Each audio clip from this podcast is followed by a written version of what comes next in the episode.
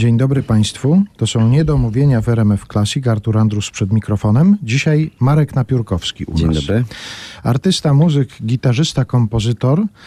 I wiem z doświadczenia, że przydaje się na początek rozmowy jakaś taka romantyczna historia. Na przykład, gdyby się okazało, gdybyś mógł powiedzieć albo wymyślić nawet, że pochodzisz z wielopokoleniowej rodziny gitarzystów, w której pradziadek na przykład wystrugał pierwszą gitarę z osinowego kołka, którym wcześniej wampiry... Naj... No już może mnie poniosło trochę, ale jakaś taka romantyczna historia związana z twoim zawodem może się pojawić na początek? No, nie bardzo akurat, chociaż tak sobie pomyślałem w pierwszym momencie, że może pierwsza moja reakcja była to jest jeszcze nic, ale nie, nie, tutaj nie ma wielkiej historii. Nie, ja jestem pierwszym pokoleniem chyba, znaczy pokoleniem, Boże, ja nie wiem, czy ktoś pójdzie za mną jeszcze, ale mama, tata nie robili tego. Rodzina ze strony mamy jest muzykalna. Ponoć się dziedziczy nie bezpośrednio po rodzicach, tylko jakoś tam to drzewo się rozkłada, więc tam się śpiewało, ale nie ma tu żadnej historii. Właściwie ja rozpoczynam tę kartę, zapisuję jako pierwszy w tej rodzinie. No dobrze, ale to sam rozpocząłeś tę historię, czy ktoś ci pomógł rozpocząć, prowadząc cię gdzieś albo ci coś? A no właśnie, tu jest konotacja rodzinna, bo kiedy miałem lat 12, znaczy tak już, żeby całe to tak w skrócie. Najpierw jako siedmiolatek z umiarkowanym powodzeniem grałem na skrzypcach. Umiarkowane powodzenie polegało na tym, że wyobrażałem sobie siebie bardziej y, jednak na boiskach, na stadionach świata. Nie Tam chciało się mi się trudniej ćwiczyć. gra na skrzypcach na Znacznie. Więc po dwóch latach porzuciłem to boli tutaj w ten obojczyk. To... No, ale jakby byłem zapisany do szkoły muzycznej takiej poza szkołą normalną, bo, bo teraz bo to są też takie szkoły, które łączą te dwie rzeczy. I zapomniałem o tej muzyce, ale zawsze byłem fanem, lubiłem słuchać. I jak miałem lat 12, pojechałem do mojej babci, właśnie ze strony mamy, i tam ciocia Basia, legendarna, legendarna, bo tyle razy już o niej opowiadałem, pokazała mi cztery akordy na gitarze. Takie cztery: C-dur, Amol, Demol i G-dur. Taki tylko dla specjalistów, ale taki kleszcz, taki, że ja właściwie nie rekomenduję tego teraz po latach. G-dura. I coś się wydarzyło na gitarze defil. To też jest ważne, czyli taki, co może spowodować trwałe uszkodzenia. Tak mi się spodobał, mm, te, spodobały mi się te cztery akordy, że kiedy wróciłem do Jeleniej Góry mojej rodzinnej po tych wakacjach, rzępoląc niewyobrażalnie, poprosiłem mamę, zapytałem, czy mogłaby mi kupić gitarę. Ona wpadła na ten pomysł, że tak. I tutaj się pojawia nowa karta, o której ja nie wiedziałem. Ona podczas jednych z ostatnich świąt się dowiedziałem. Otóż w Jeleniej Górze nie było takiej gitary w centrali przemysłu muzycznego, takie sklepy. I mały Mareczek lat 12 podobno sam pojechał pociągiem do Wałbrzycha. Musiałem być jakoś tam w miarę rozgarnięty, bo tak się zastanawiam, gdzie kupiłem tę gitarę, przywiozłem, zacząłem te doskonalić te cztery akordy i tak się złożyło, że mój przyjaciel Artur Lesicki mieszkał na tej samej ulicy, 50 metrów ode mnie. I ja mu nieodpłatnie tę wielką wiedzę przekazałem. Te na- cztery akordy? tak, on także nabył gitarę. Potem wszystko, co się potem wydarzyło, to zasilane pasją jakby i do dzisiaj tak to trwa. No to jednak romantyczna historia się pojawiła. No Jak tak. się pojawiają ciocia Basia i Wałbrzych, to można uznać, że to już jest romantycznie. A żeby było jeszcze romantyczniej, sięgnijmy po płytę, którą nagrałeś z przyjacielem z tej samej ulicy, Arturem Lesickim. Celuloid i muzyka Andrzeja Kurylewicza z Lalki w waszej gitarowej aranżacji.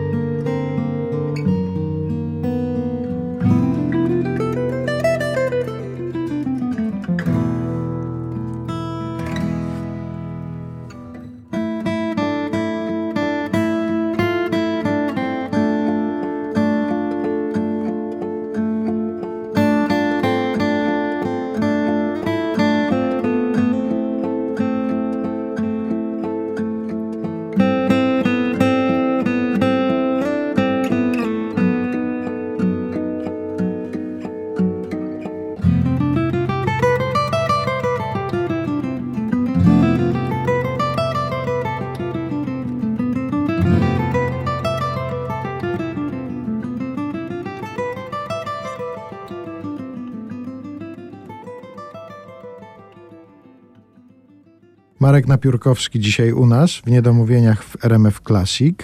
Nieźle ci się zaczął ten rok, prawda? Bo nominacje do różnych nagród, ukazują się kolejne teledyski i single najnowszej Mhm. płyty, czyli nie najgorzej się zaczął rok, prawda? Tak, bo ja mam takie poczucie, że świat po pandemii nie do końca się tak dobudził jeszcze. Przynajmniej w mojej dziedzinie to się troszkę zmieniło. I trochę się napracowałem wcześniej, bo napisałem muzykę do filmu Andrzeja Saramanowicza Babies i to zostało docenione, bo dostałem nominację do Orłów, co naprawdę jestem dumny i blady z tego, bo to jest mój debiut fabularny. A chwilę wcześniej... Ale nie debiut filmowy od razu Nie, powiedzmy. nie. Napisałem wcześniej muzykę do filmu dokumentalnego, ale takiego długi dokument, 70 minut. Miłość i puste słowa Małgorzaty Imielskiej. Poruszający absolutnie dokument, kręcony przez trzy lata, gdzie kamera uczestniczy w życiu małżeństwa i pani, y, żona zapada na chorobę Al- Alzheimera. Jest całe te stadium pokazane i jakby ten, ci państwo zgodzili się, żeby ta kamera była z nimi. No bardzo poważna sprawa. Napisałem tę muzykę i dostałem wyróżnienie na lubuskim lecie filmowym. Nie wiem, coś mam fuksa takiego. Ja bym to tak postrzegał, że to są jakieś... No i teraz drugi raz już do takiego filmu znacznie to było trudniejsze jako w ogóle przedsięwzięcie. Ja jestem zdania, że film to jest najbardziej skomplikowana dziedzina sztuki, jaka istnieje, bo najwięcej ma elementów, które można popsuć, mówiąc krótko. Więc napisałem tę muzykę i, i strasznie byłem zdziwiony i szczerze szczęśliwy. A wcześniej za moją ostatnią płytę nagraną z orkiestrą AUXO pod batutą Marka Mosia y, dostałem nominację bardzo też fajną do Olśnień Onetu. Mhm. Ale to jeszcze do płyty z AUXO wrócimy w tej naszej rozmowie, natomiast ja teraz chciałbym się zatrzymać troszeczkę przy filmie. Powiedziałeś, że to było nowe doświadczenie i no, bardzo absorbująca praca. No i gdyby teraz na przykład pojawiła się kolejna propozycja, bardzo proszę napisać do naszego filmu, to zabierasz się za to od razu? Była to absorbująca, ale na tyle intrygująca, że, że chętnie byś się takiej twórczości oddał? Jest pewna ambiwalencja w tym tutaj moim zapale. Już, że tak powiem, rany wylizane, bo było to dla mnie trudne, nie ukrywam. Nie dlatego, że miałem stworzyć melodię, muzykę jako taką, tylko wszystko to, co towarzyszy pracy przy filmie, kiedy to robisz pierwszy raz, jest. No, nie chcę tutaj wprowadzać Państwa w kuchnię, jakby te, ale te komputery, to się robi inaczej teraz. Jest bardzo trudne. To nie jest tak, jak Miles Davis zobaczył film Window na szafot. Zespół był rozstawiony w kinie, trwała projekcja i oni improwizowali. Potem wielcy kompozytorzy, których wielbię nasi krajowi, czy Komeda, czy na przykład Duduś Matuszkiewicz, wielki mistrz też, oni też pisali melodie, pewnie w jakichś tam ramach czasowych, ale to nie było tak precyzyjne jak teraz, znaczy precyzyjne. To, co wyszło, jest absolutnie genialne, natomiast mam na myśli to, że teraz fakt, że film się robi tak naprawdę najbardziej na komputerze, to pamiętam śmieszną historię, mi się przypomniała, jak za komuny jeszcze, taki schyłek komuny, padło pytanie, dlaczego Roman Polański nie robi w Polsce filmów? I on odpowiedział, film da się zrobić bez kamery, ale nie da bez telefonu. I, I tu jest trochę tak, że teraz nie da się zrobić filmu bez komputera. I cała ta sfera, bo to jest co do sekundy, to jest wklejane, na, jest tak dużo elementów, nawet mm, związanych z muzyką, które trzeba spełnić, więc było to dla mnie trudne. Przeszedłem, te, mam nadzieję, że ten chrzest bojowy i wziąłbym oczywiście, żebym się...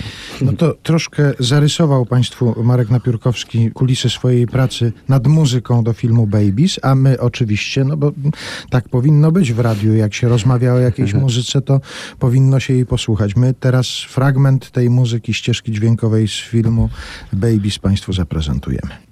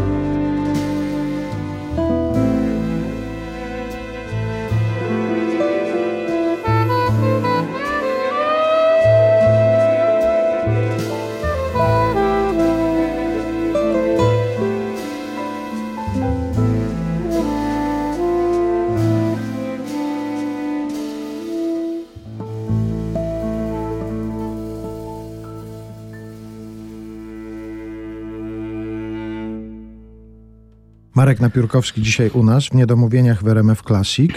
Muzyk, kompozytor, gitarzysta. Wspomnieliśmy o tym, że dobrze ci się zaczął ten rok od Tak. nominacji do Olśnie, nie- nominacja za muzykę filmową do Orłów, ale w ogóle jak się przegląda twoją biografię, to tych nagród i nominacji i nagród jest mnóstwo. One jeszcze ci się gdzieś mieszczą? Masz jakąś specjalną półkę na nagrody i ścianę na nagrody, czy porozrzucane to jest po różnych miejscach? Dosyć porozrzucane. Nie powiem, żeby nie sprawiało mi to przyjemności, bo tak No to jest i- docenienie pracy tak naprawdę. Tak, to by była taka romantyczna historia. Nie, mam wszystkie, trzymam w garażu. Tam słyszałem, że Oscary trzymają w garażu. Tak. Nie, ja bardzo szanuję te nagrody. I ilekroć jestem gdzieś tam nominowany, czy coś dostanę, to po prostu czuję, że to jest miłe i jakby przyjmuję to. Ale też, jeżeli byś mnie odwiedził, to nie ma tam sanktuarium żadnego. Gdzieś tam stoją po kątach. Bo dla niektórych nagrody bywają o tyle peszące, że jak ktoś dostaje takie ważne nagrody, no a przecież w twoim dorobku są, no bo to i, i, i Fryderyki, i Guitar Top, i Jazz Top, i, i tak dalej, i tak dalej, no to niektórzy twierdzą, że to nagrody bywają nawet blokujące, że człowiek już tak zostaje dowartościowany, że potem boi się chwycić gitarę znowu, żeby coś zagrać. I żeby nie zagrać, broń Boże, gorzej niż poprzednio. No tak, znamy ten model, jest szeroko znany i myślę, że można popaść jakby w ten schemat na początku, kiedy rozpoczynasz drogę i kilka razy ktoś ci powie, że jesteś super i wtedy możesz stracić tą taką, hmm, porównując do sportu albo do filmu, wielkiego filmu Rocky, Balboa, że jakby wszyscy chcą zlać mistrza. Wiesz, co mam na myśli. I ten mistrz zazwyczaj się, broń Boże, nie mówię tego sobie, ale mówię przenośnie, że on się na tych swoich pozycjach jakoś tak osadza, prawdopodobnie, nie wiem, otacza się wianuszkiem pięknych kobiet, y, niezdrowo się prowadzi i tak dalej. I taki biedny z przedmieści bokser mm, Spuszcza mu łomot, po Łomot, prostu. Dokładnie. Ale jak się robi to wiele lat, znaczy ja mam tę fajną rzecz, którą cenię w tej swojej drodze, mam do niej taką wdzięczność i jakby to jest to, że ja szedłem po kolei, ja nie miałem żadnych fajerwerków. Oczywiście jak byłem dzieciakiem i pojechałem na konkurs Jazz Juniors, coś tam dostaliśmy, raz, drugi, to było fajne, ale mnie los jakby, może jakby tu powiedzieć, bo ja nie powiem, że ja nie mam szczęścia, bo ja mam szczęście, ale nie byłem żaden, na żadnej płaszczyźnie uprzywilejowany. Że ta moja droga była po kolei. Od naprawdę grania koncertów, oczywiście za zero, potem za nieduże pieniądze. Przeszedłem całą tą drogę i przeszedłem ją świadomie, czyli obserwowałem cały ten proces. I to sprawiło, że nie ma takiej możliwości, żeby mi jakby odbiła palma, jak to się mówi. Zważywszy też na to, że ja bardzo silnie odczuwam cały czas wokół siebie istnienie muzyki, której rannie jestem godzien całować. I to realnie. To nie jest takie, że ja tutaj ściemniam słuchaczy miłych, tylko to jest we mnie trwale. Po prostu im dalej idziesz w las, tym bardziej jesteś w stanie docenić, wejść głębiej w muzykę mistrzów i ja ją realnie jakby kocham i podziwiam. To nie jest, wiesz... Czy z czasem się pokornieje? W pewnym zawodzie? sensie Tak. tak. Oczywiście jest coś fajnego w tym też, że ten fakt, że możesz, ta największa nagroda, którą ja postrzegam to największa, za największą nagrodę życiową, to jest i to też definiuje moje marzenia muzyczne ogólnie, czyli móc robić to, co robię i nie utracić weny. I żeby ci ludzie przyszli i chcieli posłuchać mojego grania. Więc mam jakby tę wdzięczność i fakt, że jestem doceniany, oczywiście mnie troszkę no, buduje mnie. To nie jest, że nie, ale pokory mi to nie zabiera. No. Ja mogę oczywiście zgnuśnieć, bo to nie wiadomo, się zmienia chemia w mózgu, procesy, nie młodniejemy. Nie chciałbym bardzo, ale na pewno nie jest tak, że jakieś kolejne docenienie sprawia, że ja myślę, że, że jestem bardziej niż jestem. Wspomnieliśmy o tych różnych nagrodach, których sporo ci się już nazbierało na twoim koncie, a masz jakąś taką pierwszą, którą dostałeś, ale to niekoniecznie musi być taka z, tego, z tej No tak. branży muzycznej i z takich pierwszych osiągnięć, nie wiem, jakiś złoty pluszowy miś z gitarką z przedszkola albo coś takiego. Jest jakaś taka... No miałem odznakę i to dobrze, będę, przepraszam, może to będzie megalomania, ale jednak ja, ja to wykrzyczę. Miałem odznakę zuch na piątkę. Wow, naprawdę? Co prawdopodobnie oznaczało, że miałem niezłe stopnie w podstawówce. No i byłem zuchem, co bardzo mile wspominam. I harcerzem potem. I gdzieś ci się ostała ta odznaka, czy zawieruszyła No się? może w zakamarkach, gdzieś w domu rodzinnym. Ale to jest, to jest To apel teraz do harcerzy, do instruktorów zuchowych, żeby może przyznali honorowo, honorową, nagrodę, honorową nagrodę Zucha na piątkę Markowi Napiórkowskiemu. A płyty? Masz wszystkie płyty, na których kiedykolwiek zagrałeś? Mm, Boję się, że nie. Właściwie ja prowadziłem taką buchalterię przez lata i każdą płytę zapisywałem na specjalnej liście, ale mniej więcej no to, to się wiąże z pewnym przełomem w moim sposobie jakby funkcjonowania. Bo ja zawsze miałem swoje projekty, ale mniej więcej do 14 roku byłem armią zaciężną. To był bardzo ważny i satysfakcjonujący To ustalmy, nie do 14 roku życia, tylko do, do 2014. 2014, No tak. Że dzieliłem jakby ten mój świat muzyczny z bardzo intensywną pracą jako muzyk sesyjny. Grałem z różnymi wspaniałymi muzykami, dużo mi to dało i tu nie ma wątpliwości. Ale właśnie zdecydowałem mniej więcej w tam pod koniec 14, na początku 15, że chciałbym bardziej pójść jakby w stronę tego swojego. Oczywiście to nie było takie proste na początku. Nic strasznego się nie stało, ale mogłem się tego obawiać, no bo przecież ten telefon, który dzwonił jakby poza mną, był czymś fajnym. Więc do tej przemiany liczyłem. Wszystkich nie mam, tych pierwszych pewnie nie mam.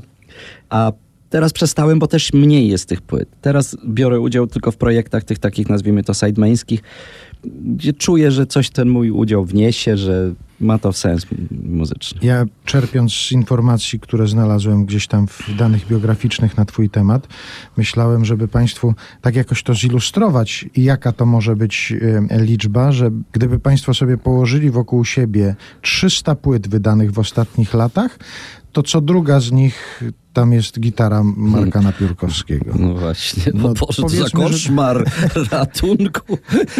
I jedno z nagrań sprzed 2014 roku zabrzmi teraz w RMF Classic. Dokładnie to nagranie z roku 2002. Wanda Warska, Andrzej Kurylewicz, Paweł Pańta, Cezary Konrad i Marek Napiórkowski na gitarze. Daj mi od siebie, daj mi od siebie coś daj. Daj mi od siebie, daj mi od siebie coś daj. Może być wczorajszy zmierzch, może być wczorajszy deszcz, może być księżyc i noc, albo daj koc w klatę koc.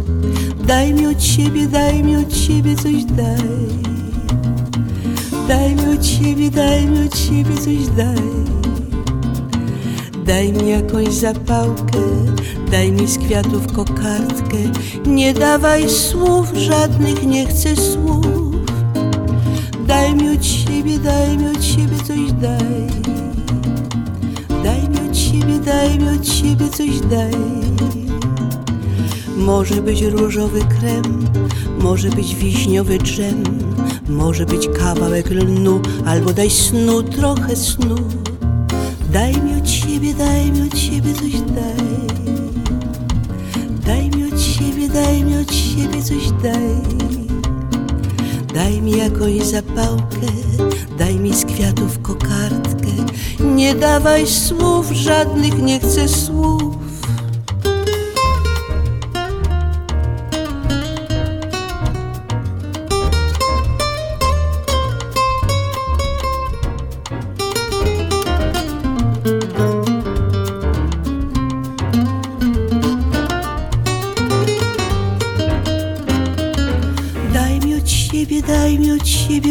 Daj. Daj mi od siebie, daj mi od siebie coś daj. Daj mi jakąś zapałkę, daj mi z kwiatów kokardkę. Nie dawaj słów, żadnych nie chcę słów.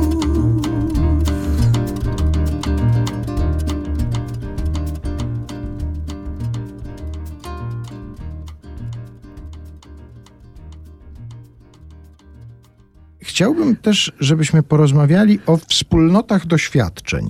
To znaczy, zauważyłem, że na przykład muzycy grający na poszczególnych instrumentach, albo nie wiem, aktorzy na przykład, ludzie uprawiający konkretny gatunek sztuki, mają jakąś taką wspólnotę doświadczeń. To jest na przykład albo jakiś podręcznik, który wszyscy kiedyś mieli, no albo instrument. Ty już wspomniałeś o gitarze Defil, że to zdaje się jest doświadczenie paru pokoleń Tak. gitarzystów, którzy zaczynali w Polsce uczyć się grać na, No, na, na gitarach. oczywiście. To o takich wspólnotach, żebyśmy porozmawiali. Tak teraz sobie myślę. Mm, Ja to bardzo mocno, silnie to poczułem, jak powiedziałeś, że istnieje coś takiego. Nie przychodzi mi teraz nic do głowy konkretnego, ale jak ja bym spotkał teraz No ale na przykład nie było czegoś takiego, jakaś szkoła gry na gitarę, którą wszyscy, Mm. wszyscy mieli coś takiego w szkole Jak muzycznej ja byłem mały, nie bardzo.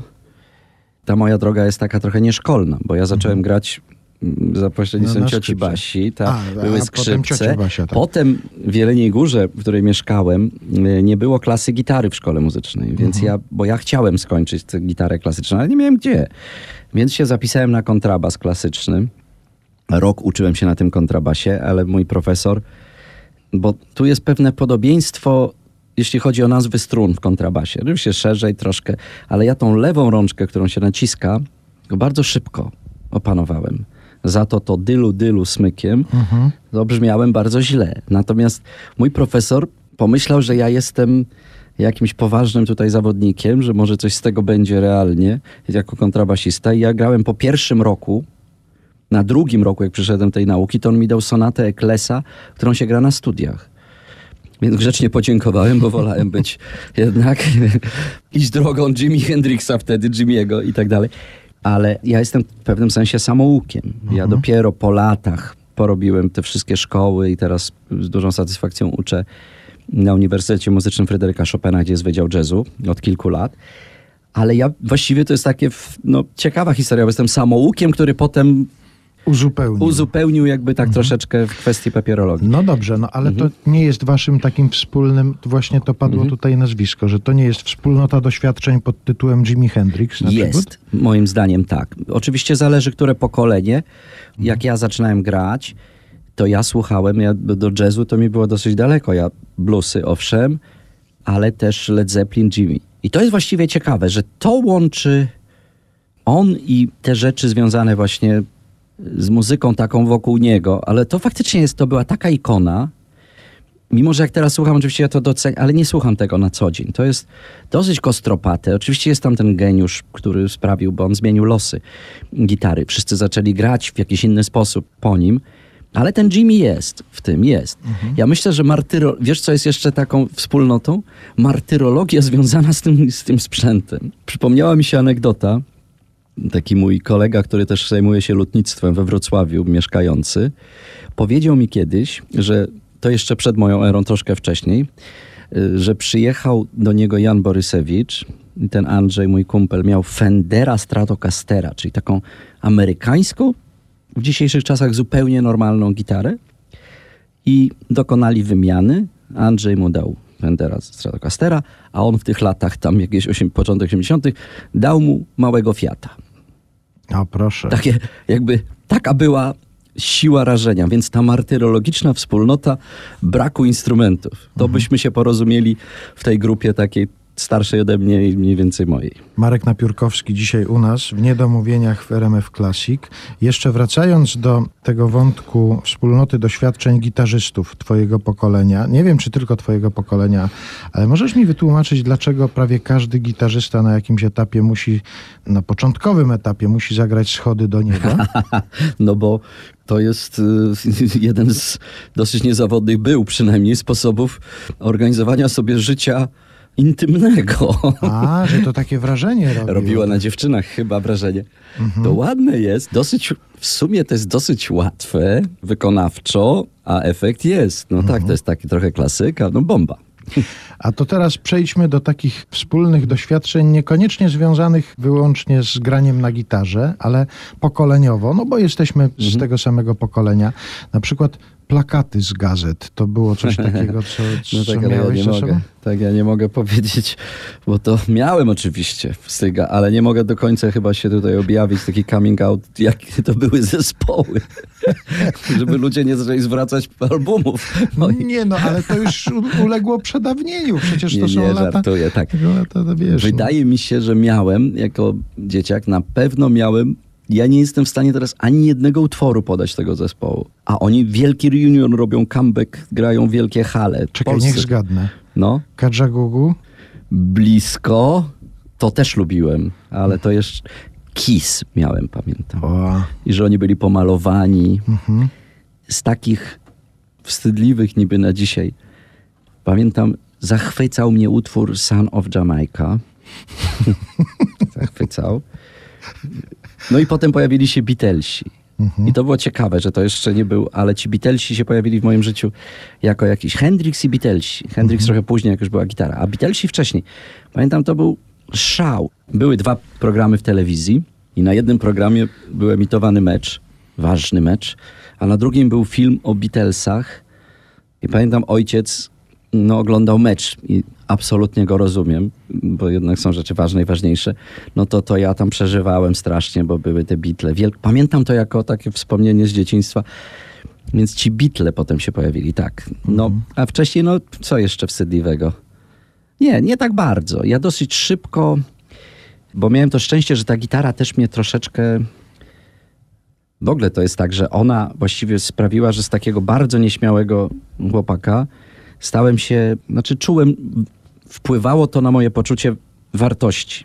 Tym bardziej, że jak miałem lat 15 i poszedłem do liceum, to ja z, razem z przyjacielem zostaliśmy zaproszeni do pracy zespołu poezji śpiewanej. Zespół się nazywał Deszczowiec w Jeleniej Górze i oni wszyscy byli nieprawdopodobnie dorośli, bo mieli lat 18 I śpiewali jakieś bardzo smutne piosenki. smutne, ale ja kochałem te piosenki. Do dzisiaj mam duży sentyment do Sielanki o domu, Elżbieta Adamiak i tak dalej. Więc ja jakby fajne było to, że ja też czytałem bardzo dużo od dziecka. Właściwie zjadałem książki i nagle zobaczyłem, że tutaj o, nie głupie te melodie, całkiem zgrabne, słowa piękne.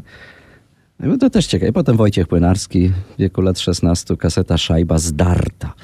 To zaraz do tego wątku przejdziemy, ale jeszcze kończąc kwestię plakatów, rozumiem, że wtedy jeszcze nie pojawiało ci się takie marzenie, że a jakby był jakiś plakat jakiegoś jazzmana wybitnego, to bym sobie powiesił. Coś. Tomasz Szukalski na przykład, żebym miał plakat Szukalskiego. No nie no, teraz bym chciał mieć. Yesterday, all my troubles seem so far away. Now it looks as though they're here to stay. Oh, I believe in yesterday. Suddenly, I'm not half the man I used to be. There's a shadow hanging over me. Oh, yesterday came suddenly. Why she had to go, I don't know. She wouldn't say. I said something wrong. Now I long for yesterday. Yesterday. Love was such an easy game to play. I need a place to hide away. Oh, I believe in yesterday.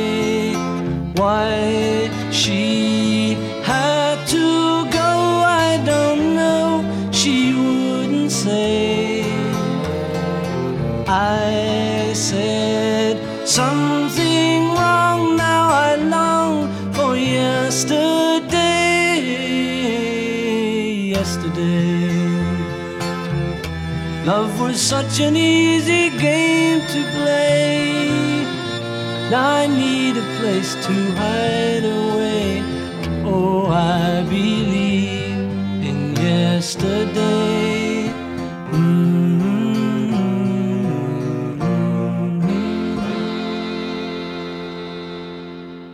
Marek Napiórkowski dzisiaj u nas w Niedomówieniach w RMF Classic. Padło już to nazwisko, a ja chciałem właśnie z tobą porozmawiać na temat tej fascynacji. Trochę odpowiedziałeś już na to moje pytanie, ale ono miało być takie, skąd u ciebie wrażliwość na słowo, bo są muzycy, którzy przyznają to wręcz, że muzyka ich tak wypełnia, że właściwie tam już nie ma miejsca na, na słowo i że oni czasami nawet grając coś, co jest połączone z, ze słowem, jakąś piosenkę albo, albo nawet jakiś większy utwór, nie zwracają uwagi na to słowo. I ja to rozumiem w pewnym sensie, bo to może być tak, że te dźwięki tak człowieka wypełniają, że już na słowo nie zostaje miejsca, a u ciebie jest tego dużo. Ja parę razy słyszałem, jak ty prywatnie cytujesz Jeremiego Przyborę na przykład, albo no Wojciecha Młynarskiego, to Tak. zdaje się wielką, wielką tak, ale miłością pana darzysz. Jeremiego też kocham. Tak, to ciekawe. Może to wynika z tego, że mój ojciec czytał cały czas i ja może na zasadzie kopiowania zachowań uwielbiałem czytać, ale to cały czas czytałem. Przeczytałem Trzech Muszkieterów, nie wiem, 643,5 raza, otwierałem na dowolnej stronie od dziecka. I to mi, mi zostało, więc pewnie wtedy jakaś wrażliwość na słowo się pojawiła, budowała się ta, ta umiejętność rozpoznania dobrego słowa. Ale wczoraj, nie dalej jak wczoraj dokładnie, bo rozmawialiśmy o tym, że wspomniałeś, że Wojciech Karolak, tak wybitny inteligent też, który kochał przyborę, że on odłączał to słowo, jak słuchał Tak, muzyki. tak. I teraz pomyślałem sobie, że jak działają te klapki w mózgu. Ja dosyć zazwyczaj nie odłączam, ale w języku angielskim, którego może nie znam perfekcyjnie, ale na tyle, że rozumiem dużo, właśnie tam odłączałem. Że teraz, jak słyszę piosenki, które znałem przed laty, prowadzę audycję w radiu, dużo słucham. I słucham tych piosenek i teraz zaczynam słuchać tekstu dopiero po czasie. Czyli miałem z angielskim tak, że mimo, że moja umiejętność skomunikowania się w tym języku była wystarczająca, żeby czerpać tekst, to słuchałem muzyki, no przedziwne. A tekstu wcale. Pamiętałem jakieś poszczególne frazy z piosenek, coś tam. Natomiast w przypadku języka polskiego uwielbiałem. Być może przez tą inicjację właśnie związaną ze słowem takim literackim, piosenką, z młynarskim i tak dalej, że to wtedy uruchomiło we mnie tę umiejętność. A kasetę Wojciecha Młynarskiego skupiłeś sobie sam, czy ktoś ci dał? Kupiłem chyba. Właśnie, dobre pytanie, nie pamiętam. Wiem, że miałem 16 lat i to był zapis chyba koncertu, to się nazywało Szajba. Zresztą ten utwór mi się szalenie podobał. Tam była Polska Miłość, tam było Bynajmniej, tam była mm, chyba Niedziela na Głównym, Wrony Jerzego Wasowskiego. Piękne piosenki. I to jest nie, niezwykłe, bo ja nie miałem żadnych takich kulturowych powiązań. Ja byłem z małego miasta. Ja nie znałem ani jednej znanej osoby w jakikolwiek sposób.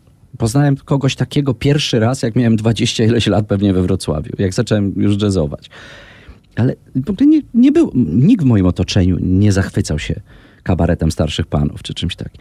I nagle dostaję tę kasetę Młynarskiego i ona mnie, a oczywiście było Jesteśmy na wczasach też. I ona mnie zachwyca, ona mnie porywa zupełnie. I to jest ciekawa rzecz, że wiele z tych piosenek jest wspaniałych także w warstwie muzycznej, ale tak być może nie wszystkie. Siła tekstu sprawiała, że dla mnie to nie miało znaczenia. Tak jak dla Wojtka Karolaka ma znaczenie tylko muzyka miała, tak dla mnie tekst silny jest w stanie uzasadnić. Po prostu ja jej nie słyszę wtedy. Ciekawe, nie? Ale z tego, co powiedziałeś, kiedyś rozmawialiśmy na ten temat, y, najbardziej na przykład w przypadku Wojciecha Młynarskiego lubisz te rzeczy, które on sam wykonywał. Tak. To jest, nie- no, znaczy oczywiście uwielbiam mm, gram o wszystko na przykład, czy coś, wiele, wiele piosenek. I być może tę piosenkę, cieszę się, że ją zaśpiewała Ewa Ewa. Bem, bo to jest bardzo trudna piosenka, no ale on miał rodzaj szwungu, tak, to jest dobre słowo, takie, on miał coś tak jazzowego w sobie, jak się potem okazało, chociaż nie o jazz tutaj do końca chodzi. Siła wyrazu jego w tej interpretacji była na poziomie no, najwyższym. Zresztą ja miałem wielką przyjemność z nim się spotkać. Była taka płyta, właściwie nawet dwie. Jedna jest koncertowa, jedna była studyjna. To się nazywa Duke po polsku. I Wojciech Młynarski przetłumaczył słowa, y, znaczy napisał teksty do utworów Ellingtona, a y, Zbigniew Jaremko to zaaranżował. Ja byłem, śpiewają różni fantastyczni wokaliści, ja byłem też w tym zespole. I nawet wtedy podczas tych koncertów śpiewała Ewa Bem, Dorota Miśkiewicz, chyba Janusz Szrom, Ewa Uryga, różni świetni wokaliści. Młynarski śpiewał jeden albo dwa utwory. I to taki cios on miał, że, że ja nie jestem w stanie powiedzieć, czy Ewa bym lepiej śpiewała od Wojtka Młynarskiego te utwory. Inaczej. Ale, no. No to może teraz posłuchajmy tego ciosu. Wojciech Młynarski wystąpi na naszej antenie, a zaraz potem jeszcze wrócimy do rozmowy.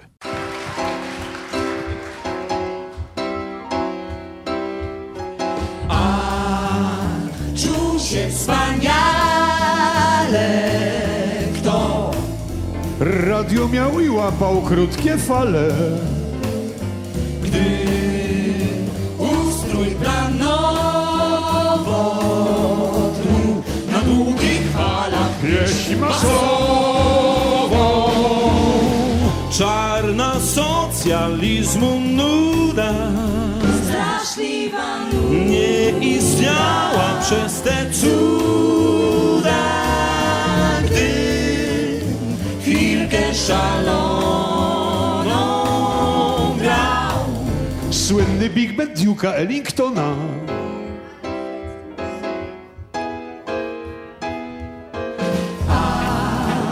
Wzruszenie zbiera Bo To był sygnał pana Kanowera. Kanowera. był dla rodziców jak Najwspanialsza paczka z zagranicy. A my, gdy byliśmy mali,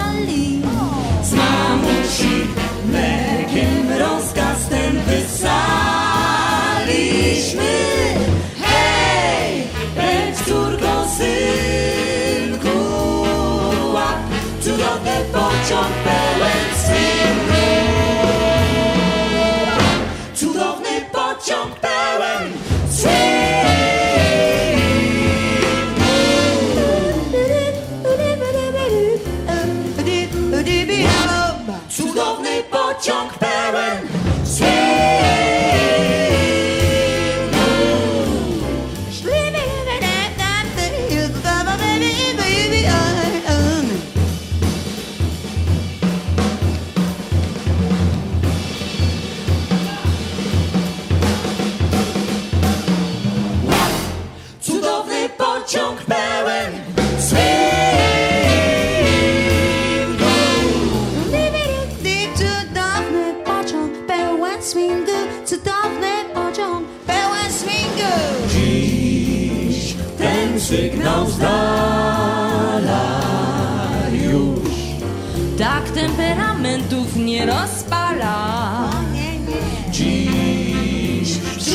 Szukasz azbestu już.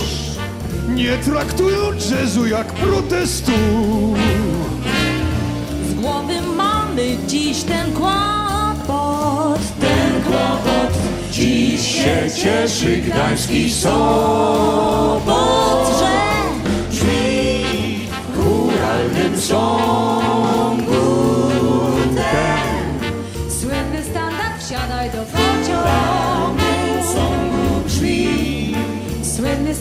wsiadaj do pociągu. Siadaj do pociągu standard brzmi Do pociągu już. do pociągu już.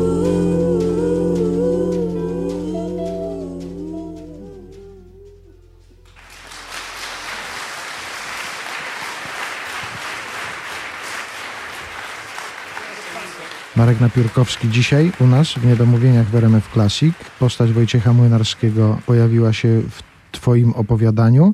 No to teraz opowiedz o tym, co przeżywałeś, jak to wyglądało, kiedy się spotkaliście, bo ty powiedziałeś, że towarzyszyłeś mu w tym koncercie Duke po polsku, natomiast no przecież też masz piosenki wspólne z Wojciechem Jedną, Młynarskim. jedną. Jedną, no, no, jedną piosenkę. tak. Jedno, och, to jest cudowne. Tak, na płytę Doroty Miśkiewicz, znaczy to wyszło na płycie Ale. Napisaliśmy utwór wspólnie, który miał taki trochę brazylijski charakter. A on pisał dla Bemi Beku też. No inaczej, to było moje marzenie, napisać cokolwiek z nim. Dorota, współautorka tego utworu w warstwie muzycznej, ona wcześniej miała takie doświadczenie, bo jest kolenda wędrujących. To nie ma tego w żadnych tych streamingach, ale trzeba ją namówić, żeby to gdzieś wrzuciła. I tam jest kolenda wędrujących Wojciecha Młynarskiego, gdzie on, gdy on śpiewa w Nowym Jorku, ona w Nowym Sączu i Dorota no, już była starym wygą. No i pomyśleliśmy, dobrze, za, zwrócimy się do mistrza.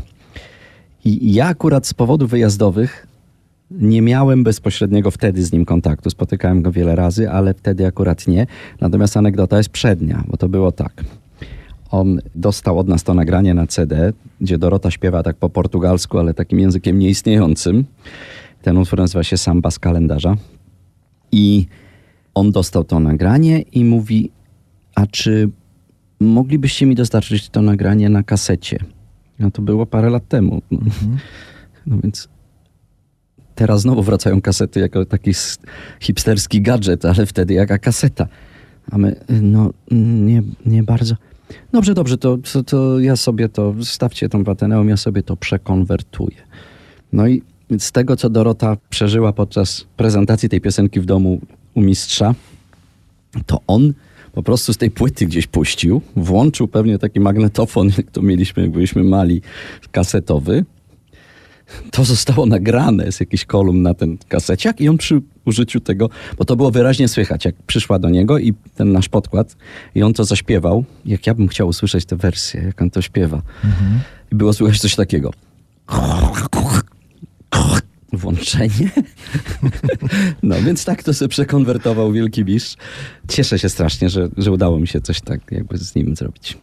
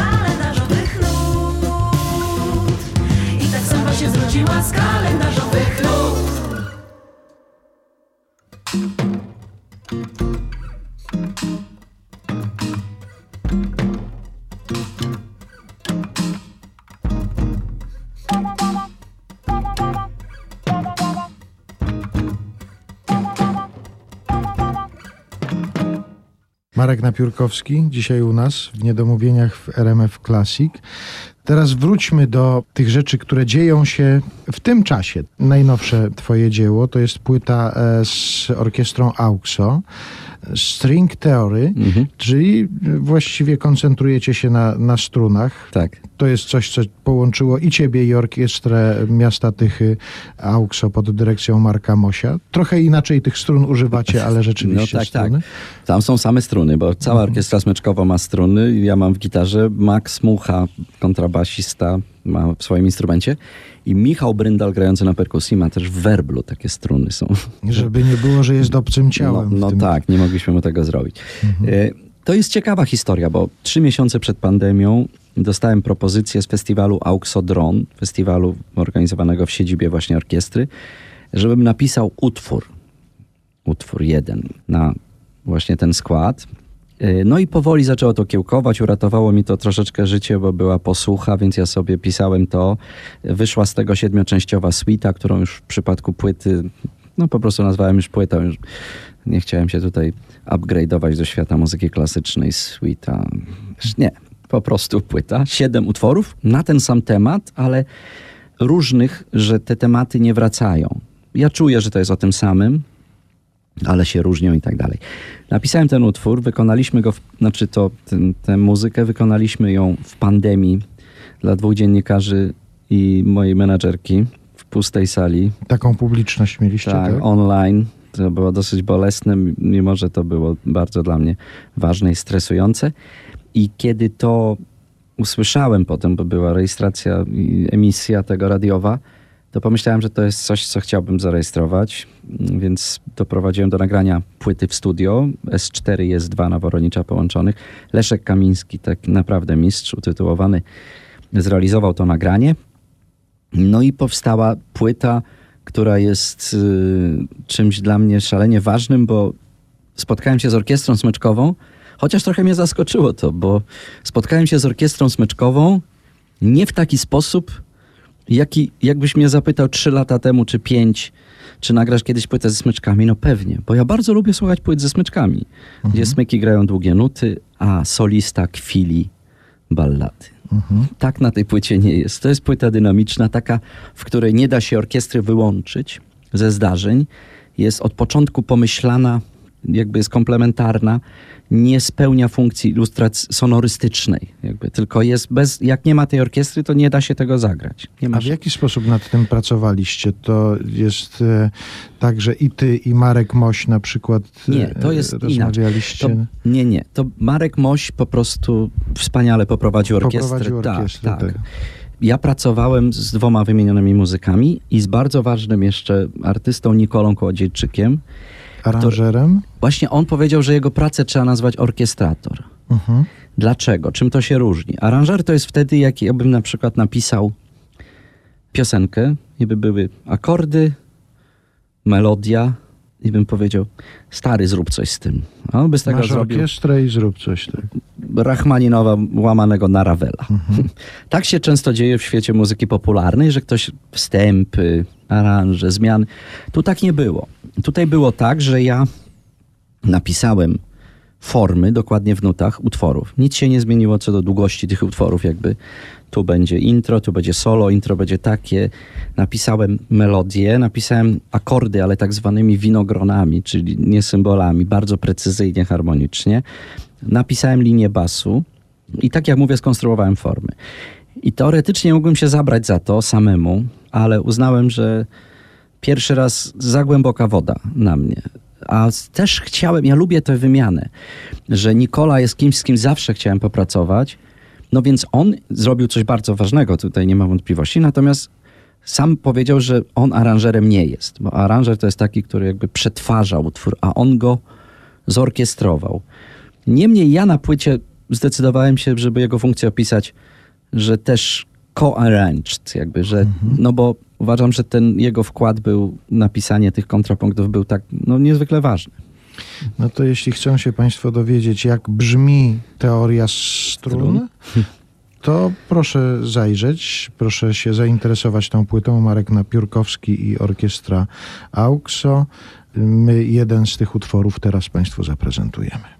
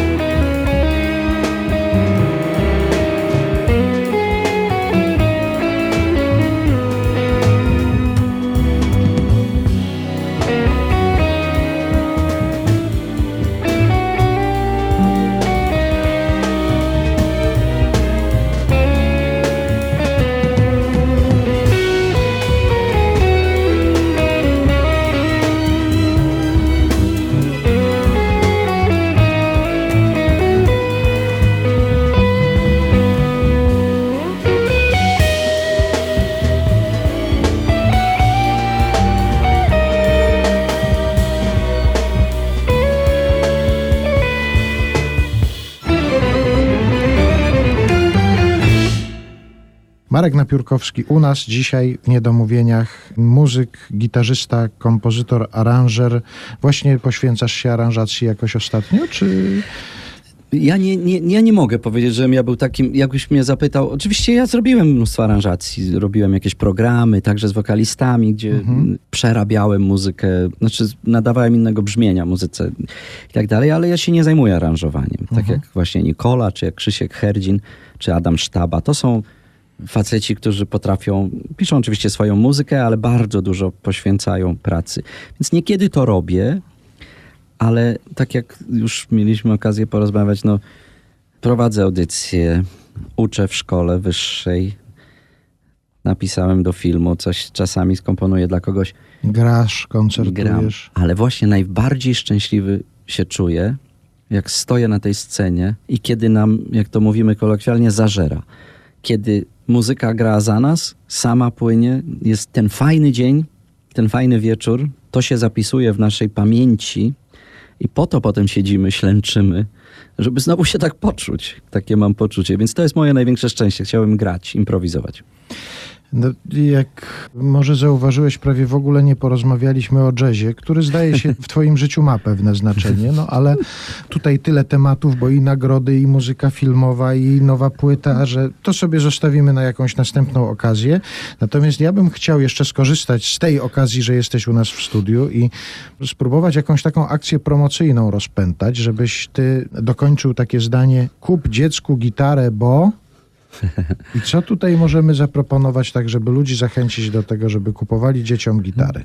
No mogę tu żartować, że wianuszek pań, coś, ale nie. Kup dziecku gitarę, bo... Bo tak naprawdę uważam, że kontakt z muzyką rozwija jakieś te kawałki mózgu, których być może nie rozwija szkoła tylko i wyłącznie. Kup gitarę, bo żeby na niej coś zagrać, podobnie jak w sporcie, trzeba trochę posiedzieć, czyli wykształcić te motywacyjne aspekty. Po trzecie, kup gitarę dziecku, dlatego że to jest połączenie ze strefą wrażliwości, z czymś, co jest szalenie ważne w życiu. Ostatnio widziałem taki znakomity film na Netflixie Brené Brown. To jest taka pani, która taki wykład prowadzi. I ona żyje z tego, że ona doradza najbardziej zamożnym firmom z Krzemowej Doliny i mówi coś takiego, nie ma innowacji bez wrażliwości. A przecież oni jak czołgi powinni taranować. Więc gitara też może załatwić tę sprawę, czyli rozszerzyć i dalej.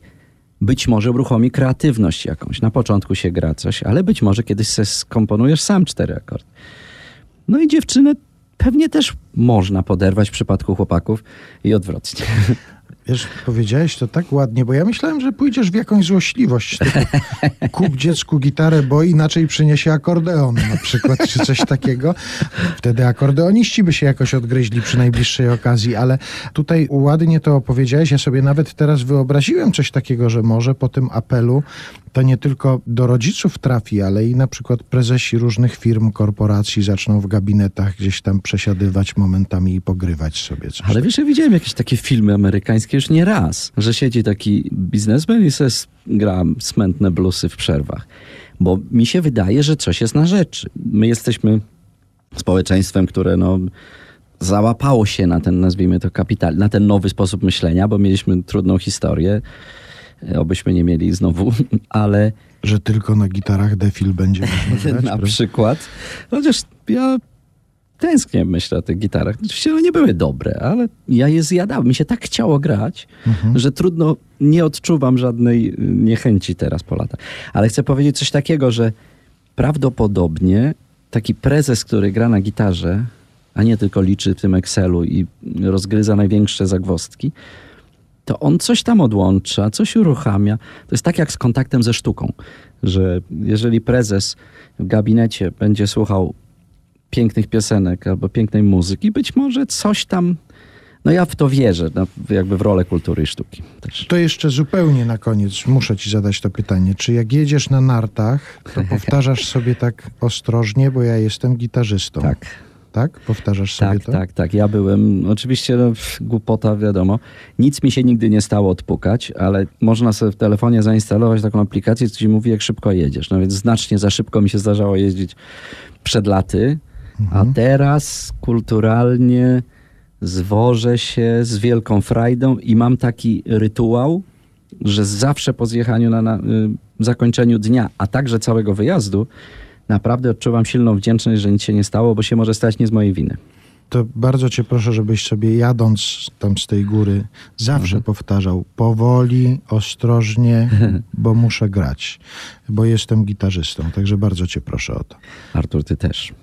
No ja nie powtarzam sobie ostrożnie, bo jestem No gitarzystą. wiem, ale no, wi- wiesz, no ja nie wiem, czy to by dobrze wyglądało, chociaż ty byś to przekuł w złoto, jakbyś na tym blaku z ręką na. Na pewno byś 10 wierszy tym napisał. Proszę, jakimi życzeniami sobie zakończyliśmy tę Nie, naszą nie, rozmowę? nie życzę. Ja jemu, żeby on uważał, a on, żebym ja z tym blakiem. No proszę. Nie, nie, broń Boże. Bardzo ci dziękuję za to spotkanie. Dziękuję bardzo. A na do usłyszenia jeszcze raz gitarowy duet Napiórkowski-Lesicki.